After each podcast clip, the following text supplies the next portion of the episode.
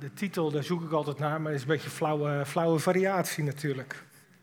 Op een titel die, eh, die we wel kennen van, eh, van Rotterdam. Maar ik bedoel er toch echt wel wat mee. Toch? Meer woorden, geen daden. En uh, toen ik hier mee bezig was, ehm, moet ik heel eerlijk zeggen dat ik ehm, eigenlijk midden in het proces zit van deze preek. Um, dus het is zeker voor mij niet afgerond. Um, en als ik hier iets breng of zeg, dan is dat vooral uh, uh, tegen mezelf gezegd. Zeg ik dat vooral voor mezelf. Dus ik praat vanmorgen voor mezelf en tegen mezelf. En jullie mogen meeluisteren. Um, omdat het iets is wat, waarvan, waarvan ik de kracht eigenlijk nog maar voor een heel klein stukje, uh, denk ik, begrijp of besef. Um, maar ik zou eigenlijk u um, onder de preek een heel klein beetje huiswerk mee willen geven. En dan wil ik daar graag, aan het eind van de preek wil ik, um, wil ik, uh, wil ik bidden met, met u. en wat ik u zou willen vragen is eigenlijk, heeft u een onderwerp in uw leven of van uzelf of iets wat al zo vaststaat eigenlijk, of zo, waar u zo tegenaan kijkt dat u denkt van nou, daar, ja, dat is nou één keer zo. Hè. Uh, ik ben zus of zo en dat is nou één keer, ja, dat ben ik, uh, zo ben ik geworden en dat ligt vast. Of iets in uw werk waarvan u zegt, uh, misschien een situatie met een, met een collega of met een, met een baas, of iets met je familie, um, relatie met je ouders of met, met een kind waarvan je denkt van, hmm, dat zou ik graag anders willen zien. Het mag heel klein zijn, maar ik zou u willen vragen, wilt u dat nou eens nemen, dat onderwerp, en u afvragen van, um, ja, hoe zou dat kunnen veranderen? Hoe zou die situatie nou toch kunnen veranderen? Het is al, bestaat al zo lang, ik heb er geen invloed op, maar ik wil het eigenlijk wel. Diep in mijn hart wil ik dat het, dat het anders is, dat het anders wordt. Zo, dan bent u, heeft u ook wat te doen? Kan ik verder met mijn preek. Um, en ik zou uh, willen beginnen met de eerste tekst. En die tekst uh, ja, is zo overbekend. Genesis 1, vers 3. En daar, daar staat, God zei, er moet licht komen. God sprak, daar moet licht komen, moet je je voorstellen. Um, Licht is een van de meest, um, laten we zeggen, intensieve natuurkundige verschijnselen. Um, het lastigst ook te vangen. Hè. We doen heel veel met licht. Maar God zei gewoon, daar is licht. En er was licht. Heel simpel. Niks moeilijks. Um, er gebeurde daar gewoon wat hij zei. En dat is niet alleen in dit, dit vers, maar eigenlijk de hele schepping is zo voortgekomen. Overal sprak God. Hij zei, moet scheiding komen tussen water en aarde. Er moet scheiding tussen lucht en aarde komen. Er moeten uh, hemellichamen komen. Er moeten zelfs dieren komen. Hè. Er moesten uh, kruipend gedierte zijn. Er moesten vissen komen. En God zei, er moet komen en er kwam. Zo simpel was het eigenlijk. Behalve voor de mens. Dat is mooi. Als je het leest, moet je Genesis 1 en 2 gewoon helemaal in zijn geheel lezen. Dan staat er, en God formeerde de mens uit stof van de aarde. En als ik daar dan aan denk, dan denk ik van ja, dan moet het maar een beetje visueel worden. Dan is God op zijn knieën gaan zitten en die heeft ja, aarde, klei gepakt. U heeft misschien zelf ook wel gekleid vroeger op school. Um, en dan kun je wel wat vormen, het ziet er niet uit, verschrikkelijk. Um, maar God maakte een mens uit die klei. Um, hij formeerde alles, alle organen. En toen was het nog niet klaar, hè? Als je je voorstelt hoe, wat een lichaam, waaruit dat is opgebouwd, het is onbeschrijfelijk dat God dat kan maken. Maar toen kwam het belangrijkste, hij blies zijn levensadem in de mens. En als je je adem in de neus, er staat ook neus, als je dat moet doen, ik weet niet of u wel eens een, ehm, EHBO of een, een reanimatiecursus hebt gevonden, ja, dat is altijd een beetje lastig. Hè? Dus dat, tegenwoordig doen we dat met poppen, als we de beademing moeten nabootsen. Dus, want dat willen we allemaal niet. Er zitten zelfs tuigjes in die kits, hè, in die EHBO-kits, zodat je iemand die je niet kent toch kunt beademen. Maar ademblazen in je neus, dat komt wel heel erg dichtbij. Mooi hè, dat God zo dichtbij u wilde komen, dat hij in uw neus heeft geblazen. En hij zei, daar is licht in uw leven. Hij blies zijn adem in uw leven En hij zei, daar zei licht. En er kwam licht. Licht in uw leven. Wat een geweldige schepper hebben wij. Dat is heel erg bijzonder. Dus um, over, heel veel, uh, over heel veel zaken spreekt God. En de woorden die hij spreekt hebben zoveel kracht, zoveel macht, dat het er gewoon is. Als, de, als Jezus met discipelen in de boot zitten, en de discipelen zijn echt bang, en water en golven, ik ken het niet zo, ik ben geen zeeman, maar dat kan denk ik heel erg beangstigend zijn. Zeker als je een klein bootje hebt, grote golven, dan ben je bang, het water in de boot, en je denkt, nou, dat is het einde. En dan zegt Jezus, wees stil. Zwijg, wees stil. En dat natuurkundige verschijnsel, dat gaat gewoon liggen. Wind is een natuurkundig verschijnsel, hoge druk, lage drukgebied, weet ik veel, temperaturen, vochtigheid. En dan ontstaat de wind. Dat is de natuur. Als ik hier iets oppak en ik laat het los, dan valt het. Dat is de natuur. En God zegt, zwijg, wees stil. En het wordt stil. Wat een machtswoord kan Jezus spreken. Geweldig. Is mooi.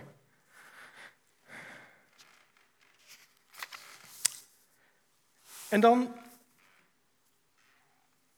dan komt Jezus. En dan staat er in de Bijbel, Johannes spreekt daarvan dat God het woord, het vlees geworden woord is. God zelf is het woord. En dat woord dat werd vlees, dat kwam, kwam naar de aarde. Gaan we straks vieren met kerst. Dat God naar deze wereld kwam in de gedaante van Jezus als een mens. En in het leven van die mens gaan woorden een ontzettend belangrijke rol spelen. En dat begint eigenlijk als de hemel open gaat.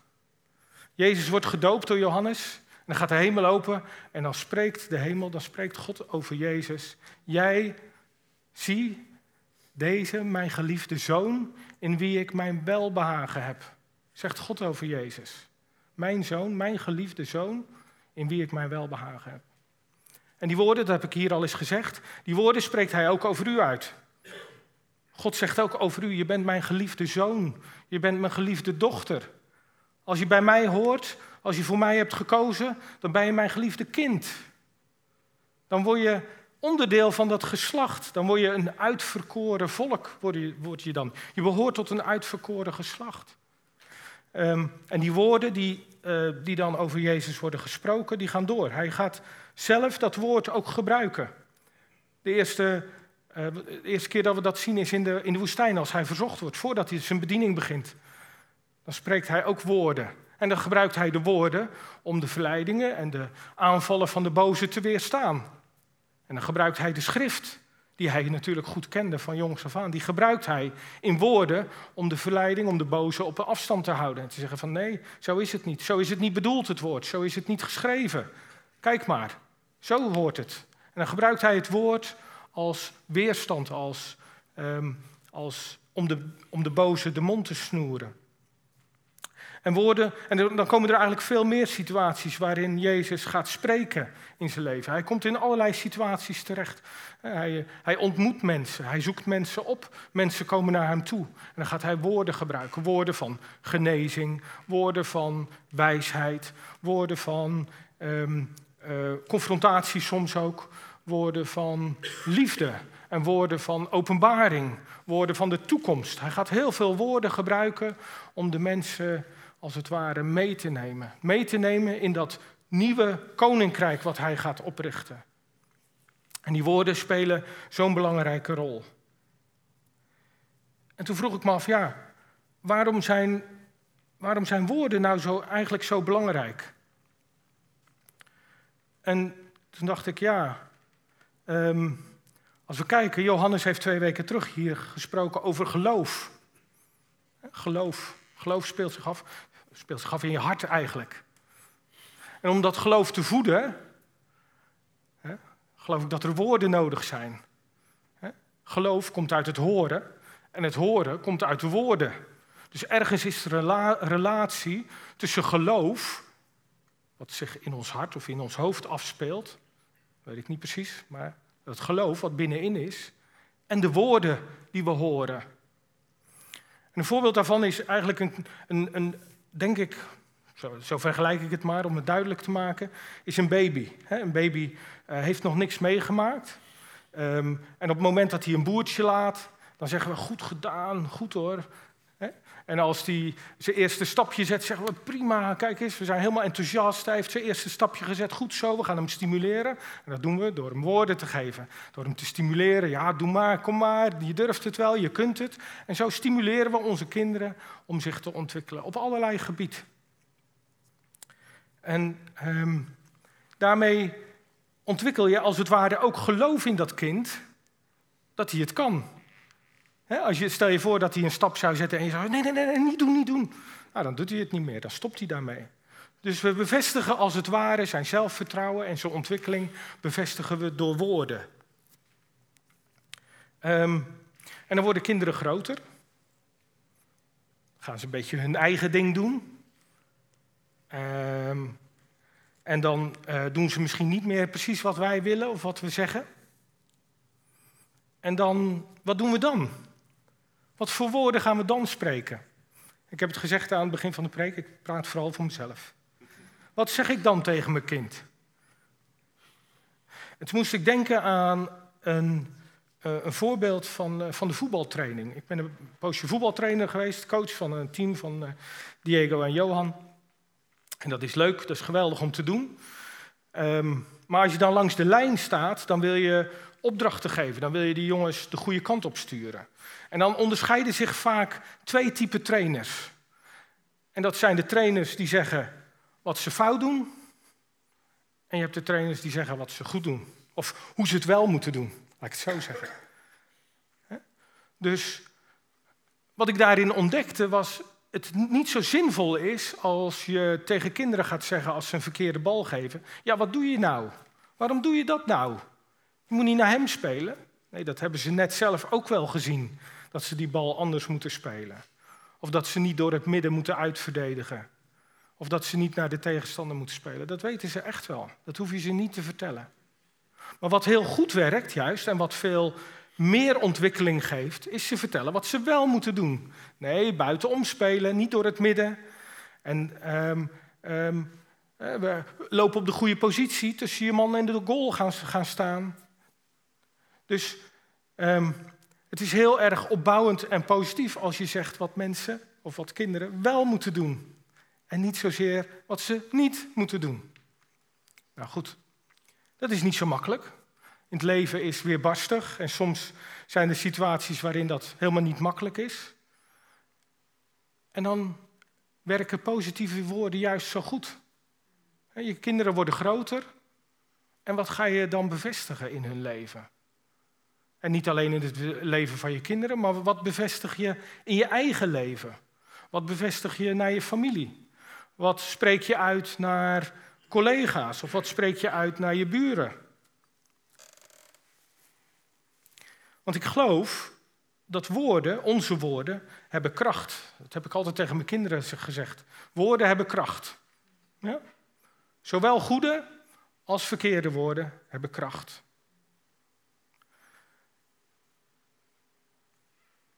En hoe, hoe kan dat, dat woorden zoveel, zoveel invloed hebben? Ik geloof dat wij als mensen gemaakt zijn naar het beeld van God. Hij zegt, ik wil mensen maken naar mijn beeld, naar ons beeld, zegt hij. Ik wil mensen maken naar mijn beeld. Dus de woorden van God, die zijn scheppend, die zijn krachtig. Hij zegt en het is er, het gebeurt gewoon. Maar wij zijn een afspiegeling van God.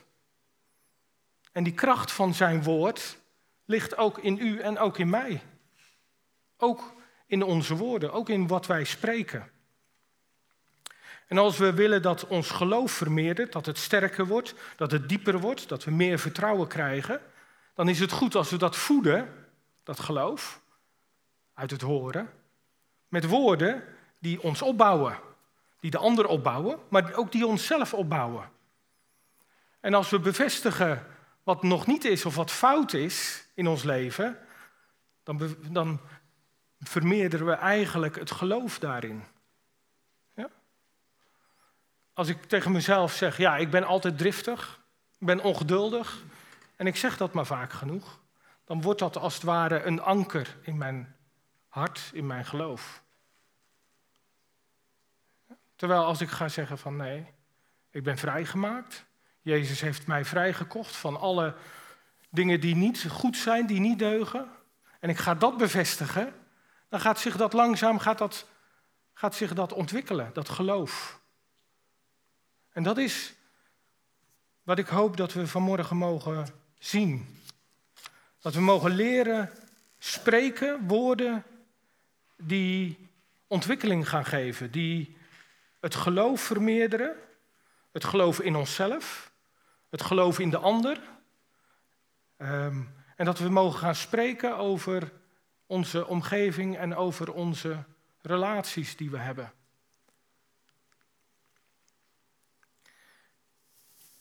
En ik zou graag willen lezen uit Spreuken.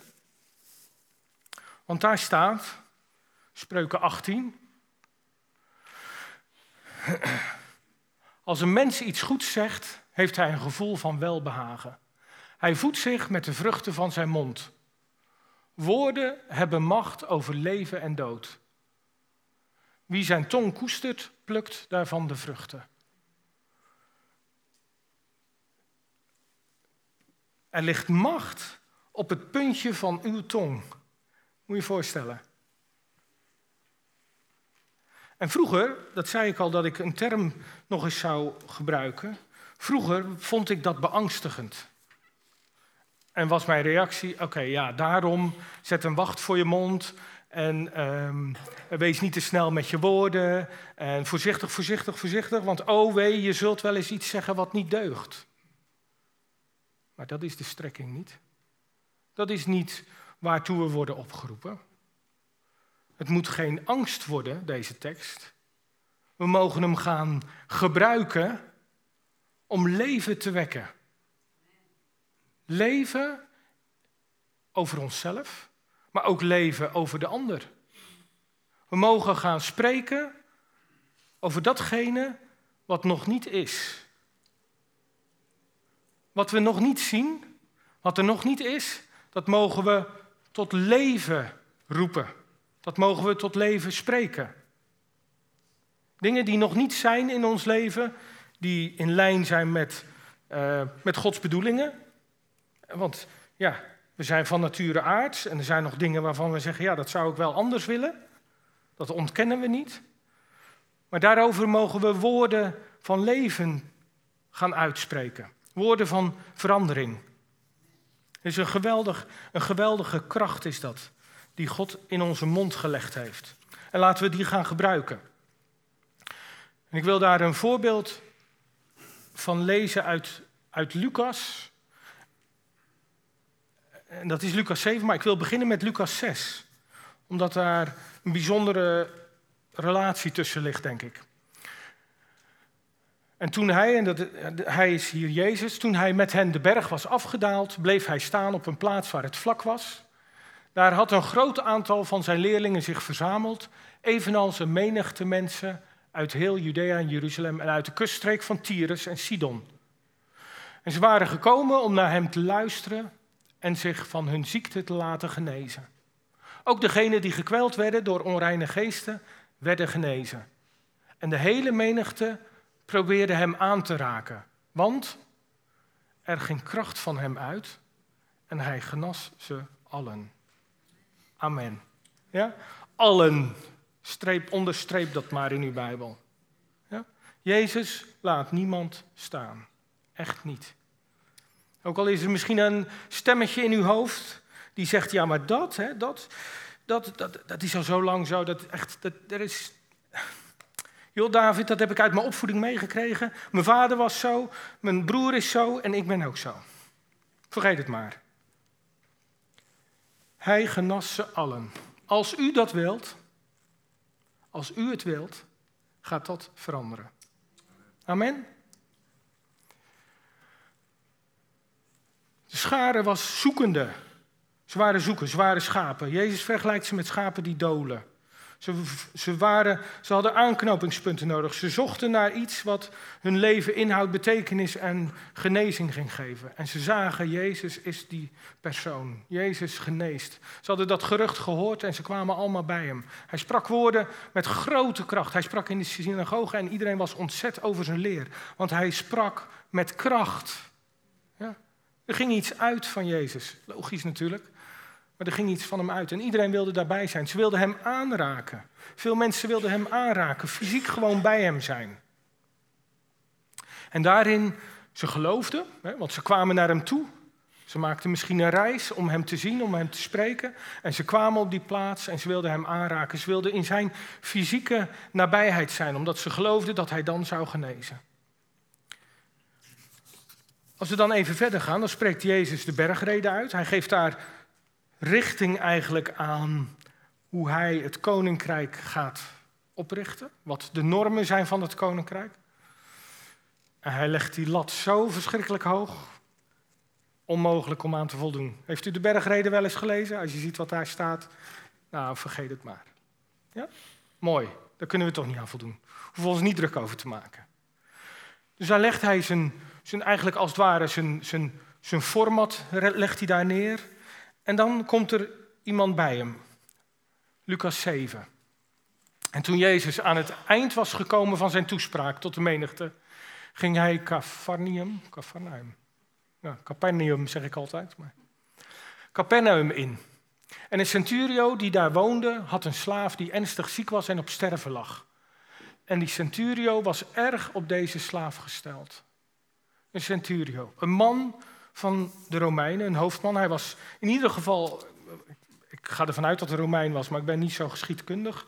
Maar ik neem aan dat hij Romein was, want hij was geen onderdeel van het volk. Maar hij was wel in hoog aanzien bij het volk. Ehm, en die had een, een knecht waar hij heel erg op gesteld was. En toen hij over Jezus hoorde, zond hij enkele Joodse leiders naar hem toe om hem te vragen bij hem te komen en zijn slaaf van de dood te redden. Dus die slaaf was heel erg ziek en die uh, was op sterven na dood. En toen ze bij Jezus waren gekomen, drongen zij bij hem op aan om mee te gaan. En ze zeiden: De man die u dit verzoekt, verdient het dat u hem deze gunst bewijst. Dus eigenlijk doet het volk, de mensen die hij stuurt, die doet eigenlijk een beroep op Jezus' goedheid. Ehm, van ook al is het een buitenstaander, ook al is het geen Jood, alsjeblieft kom, want hij doet ons, hij bewijst ons goede diensten, hij heeft de synagoge voor ons gebouwd en hij is geliefd bij de Joden. Hij is een geliefde man. Dat zegt natuurlijk wat over die hoofdman, dat hij geliefd is bij de Joden. Want over het algemeen was de relatie denk ik niet zo goed tussen Joden en Romeinen. Dat denk ik zomaar. Een bezetter die zal niet erg, uh, erg geliefd zijn. Maar deze man was geliefd. Want hij is ons volk goed gezind en heeft voor ons de synagoge laten bouwen. En Jezus ging samen met hen op weg. En hij was al niet ver meer van het huis verwijderd toen de centurio enkele vrienden naar hem toestuurde met de mededeling: Heer, spaar u de moeite, want ik ben het niet waard dat u onder mij, mijn dak komt. Daarom ook acht ik mij niet waardig om zelf naar u toe te gaan. Dus hij zegt: Heer, u hoeft niet te komen. Blijf waar u bent. Het, ik ben het niet waard dat u heel die reis maakt, alle moeite doet. Maar u hoeft maar te spreken en mijn knecht zal genezen.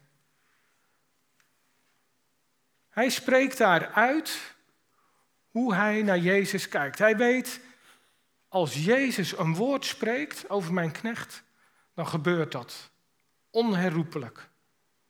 Hij weet dat Jezus macht heeft over ziekte. Hij weet dat Jezus macht heeft over duistere machten. En hij weet dat Jezus, als Jezus spreekt, dat het ook gebeurt. Misschien heeft hij verhalen gehoord. Misschien is hij zelf erbij geweest. Dat staat er allemaal niet.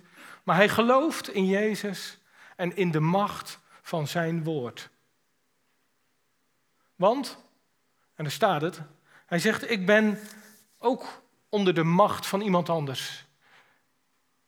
Andermans macht, gezag staat en zelf weer soldaten onder zich heeft. En als ik tegen een soldaat zeg ga, dan gaat hij. En tegen een ander kom, dan komt hij. En als ik tegen mijn slaaf zeg doe dit, dan doet hij het. Hij weet precies hoe het werkt, hoe de hiërarchie in elkaar zit en wat er moet gebeuren.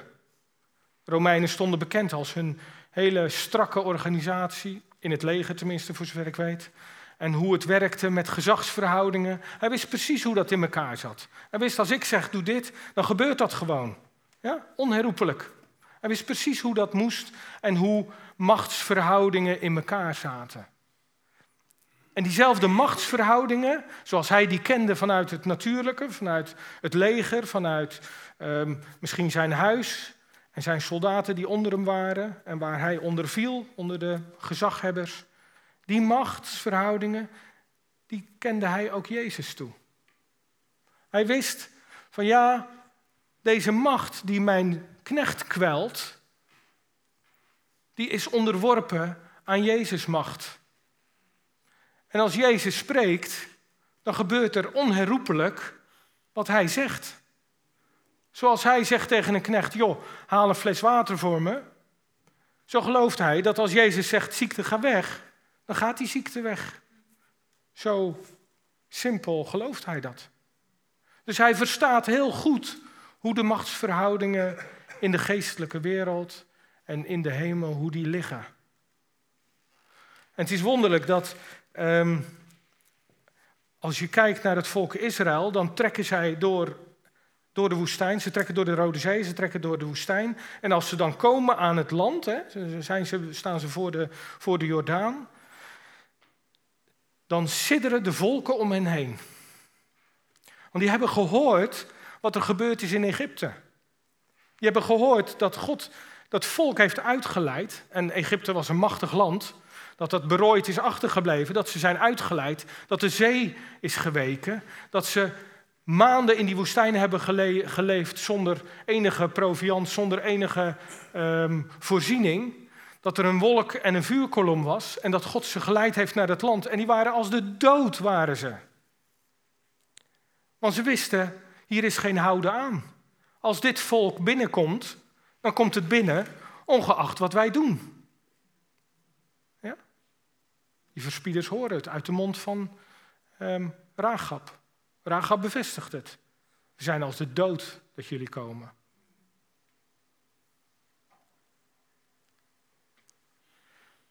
En deze man verstaat heel goed wat de machtsverhoudingen zijn in de hemel. En ik zal u verklappen, dat hoef ik u niet te verklappen. Wij maken deel uit van deze machtsverhoudingen. Wij mogen spreken en op ons spreken gebeuren er dingen. Op ons spreken, op ons woord veranderen dingen en komen dingen tot leven die er nog niet waren. Dat is niet omdat wij een bijzondere gave hebben ontvangen. Dat is omdat we onderdeel zijn van Gods schepping. God heeft dat scheppende ook in ons gelegd. In uw woorden zit kracht. Laat u niet weerhouden om over dingen te spreken, over situaties te spreken. Laat u niet influisteren van, joh, dat kan niet. Wat je nou wil, dat kan niet. Want dat is, dit is al zo lang zo. Hè, dat, eh, dat hebben we nou. Eh, dat, dat toppen we al zo lang mee. En dat is nou een keer zo. Dat moet je gewoon maar accepteren. Nee, zo liggen de machtsverhoudingen niet. En deze Romeinse centurio, deze hoofdman, begreep dat heel erg goed. Die begreep dat als Jezus gaat spreken, dan gebeurt het. En wat hij ook gelooft, en dat is het, vind ik ook wel het bijzondere. Daarom las ik ook het stukje van het volk wat bij Jezus komt. Hij gelooft dat dat gewoon op afstand gebeurt. Het volk kwam nog naar Jezus toe, wilde in zijn aanwezigheid zijn, wilde hem aanraken, wilde uh, de handen opgelegd krijgen, wilde dicht bij hem zijn. En deze man begrijpt, dat is helemaal niet nodig. Deze machten zijn onderworpen aan zijn woord. Dus wij kunnen ook voor mensen bidden op afstand. Dat is helemaal geen probleem. Je mag bidden voor mensen aan de andere kant van de wereld. Je mag bidden voor je buurman, ook al hoort hij je niet. Je mag bidden voor je collega, ook al ben je niet op je werk. En je mag ook bidden voor jezelf. Want woorden over jezelf uitspreken, die gaan je gehoor in. Wij horen onszelf. En die woorden die ons gehoor ingaan, die gaan ook geloof opwekken. Die gaan het geloof voeden in ons hart dat er iets kan veranderen.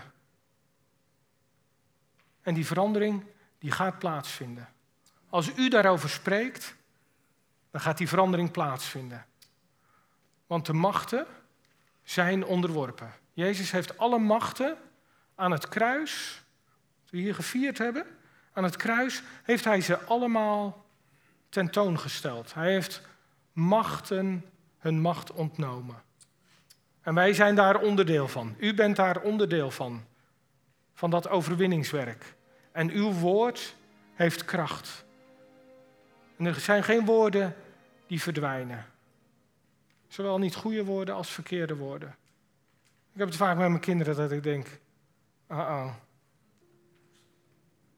Dus ga ik leren om goede woorden uit te spreken. Goede woorden over mijn kinderen. Goede woorden over mezelf. Goede woorden over anderen. Geloof, voed uw geloof met woorden. En als u niet weet welke woorden, zoek ze op in de Bijbel. Zoek wat de Bijbel over u zegt. Ik geloof, zingen we, wat u over mij zegt. Dat is heel goed.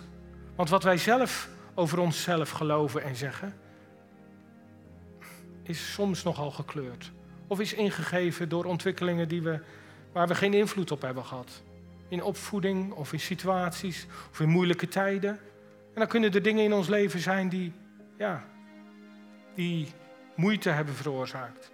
En waardoor we gedachten hebben over onszelf die misschien niet kloppen. Daarom is het goed om woorden over jezelf uit te spreken die goed zijn. Wat de Bijbel en wat God over u zegt. God zegt, u bent een geliefd kind. Een geliefde zoon, een geliefde dochter van mij. En mijn welbehagen is op je. Mijn welbehagen. God heeft mensen lief. Hij heeft u en mij lief. God heeft de mensen lief om ons heen. Zijn liefde gaat uit naar mensen, want hij heeft ze gemaakt. En hij wil niets liever, niets liever dan die levensadem ook in mensen blazen die hem nog niet kennen. En dat hoop ik, dat we hier mensen binnenkrijgen die Jezus nog niet kennen. En waarvoor, waarover we die woorden mogen uitspreken. Woorden van leven. En dat die leven, het leven gaan veranderen van die mensen.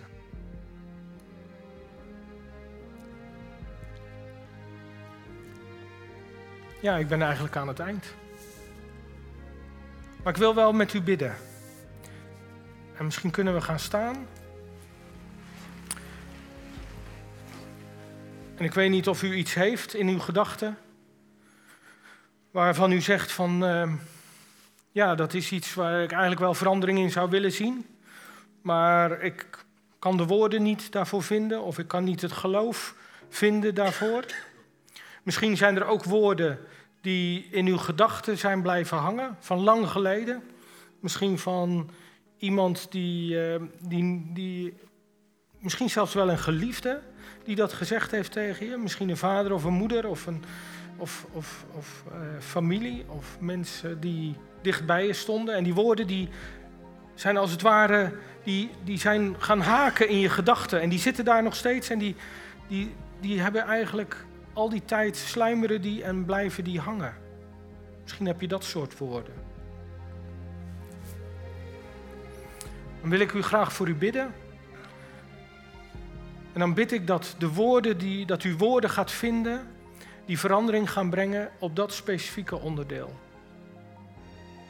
En voor de woorden die zijn blijven hangen in u, daar wil ik vrijheid over bidden. Dat u vrij bent van de woorden die over u zijn uitgesproken, verkeerde woorden, maar die wel zijn blijven hangen.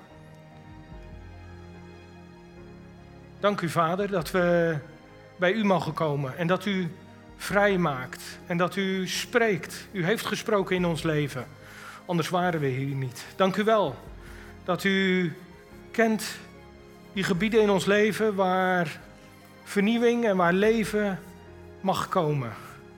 En zo wil ik leven over u uitspreken. Er is bij God geen terughoudendheid. Geen terughoudendheid om te geven wat je nodig hebt. Om te bevrijden waar je bevrijding nodig hebt. Om verbetering te geven in relaties waar je het niet meer van verwacht of van, het, van hoopt. Daar spreek ik woorden van leven uit. Dank u, Vader, dat u verbetering geeft in deze relatie. Dat u verbetering geeft in deze persoonlijkheid of eigenschap. Dat u leven geeft op het gebied waar nog de dood heerst. Heer, want u heerst over ons. U hebt alle macht in hemel en op aarde. En we mogen leven over elkaar uitspreken. En ik verbreek woorden die zijn blijven hangen, zijn blijven haken. Ik verbreek ze in Jezus' naam. Ze hebben geen recht op je. Ze hebben geen recht om invloed nog langer uit te oefenen. Je bent vrij. Je bent vrij in je denken. Je bent vrij om keuzes te maken. Je bent vrij van alle gebondenheden. Jezus bevrijdt. En hij spreekt woorden van leven over je uit. En als er situaties zijn waarin je je gedwongen voelt of beperkt voelt of in de hoek gedrukt voelt, roep zijn naam aan. Want in zijn naam, dat hebben we gezongen, in zijn naam is onoverwinnelijke kracht. Ongeëvenaarde kracht is er in zijn naam. Al zou je alleen nog het woord Jezus kunnen uitspreken. Spreek het uit, want in zijn naam gebeuren de dingen. In zijn naam komt bevrijding, komt hulp, komt leven. Amen.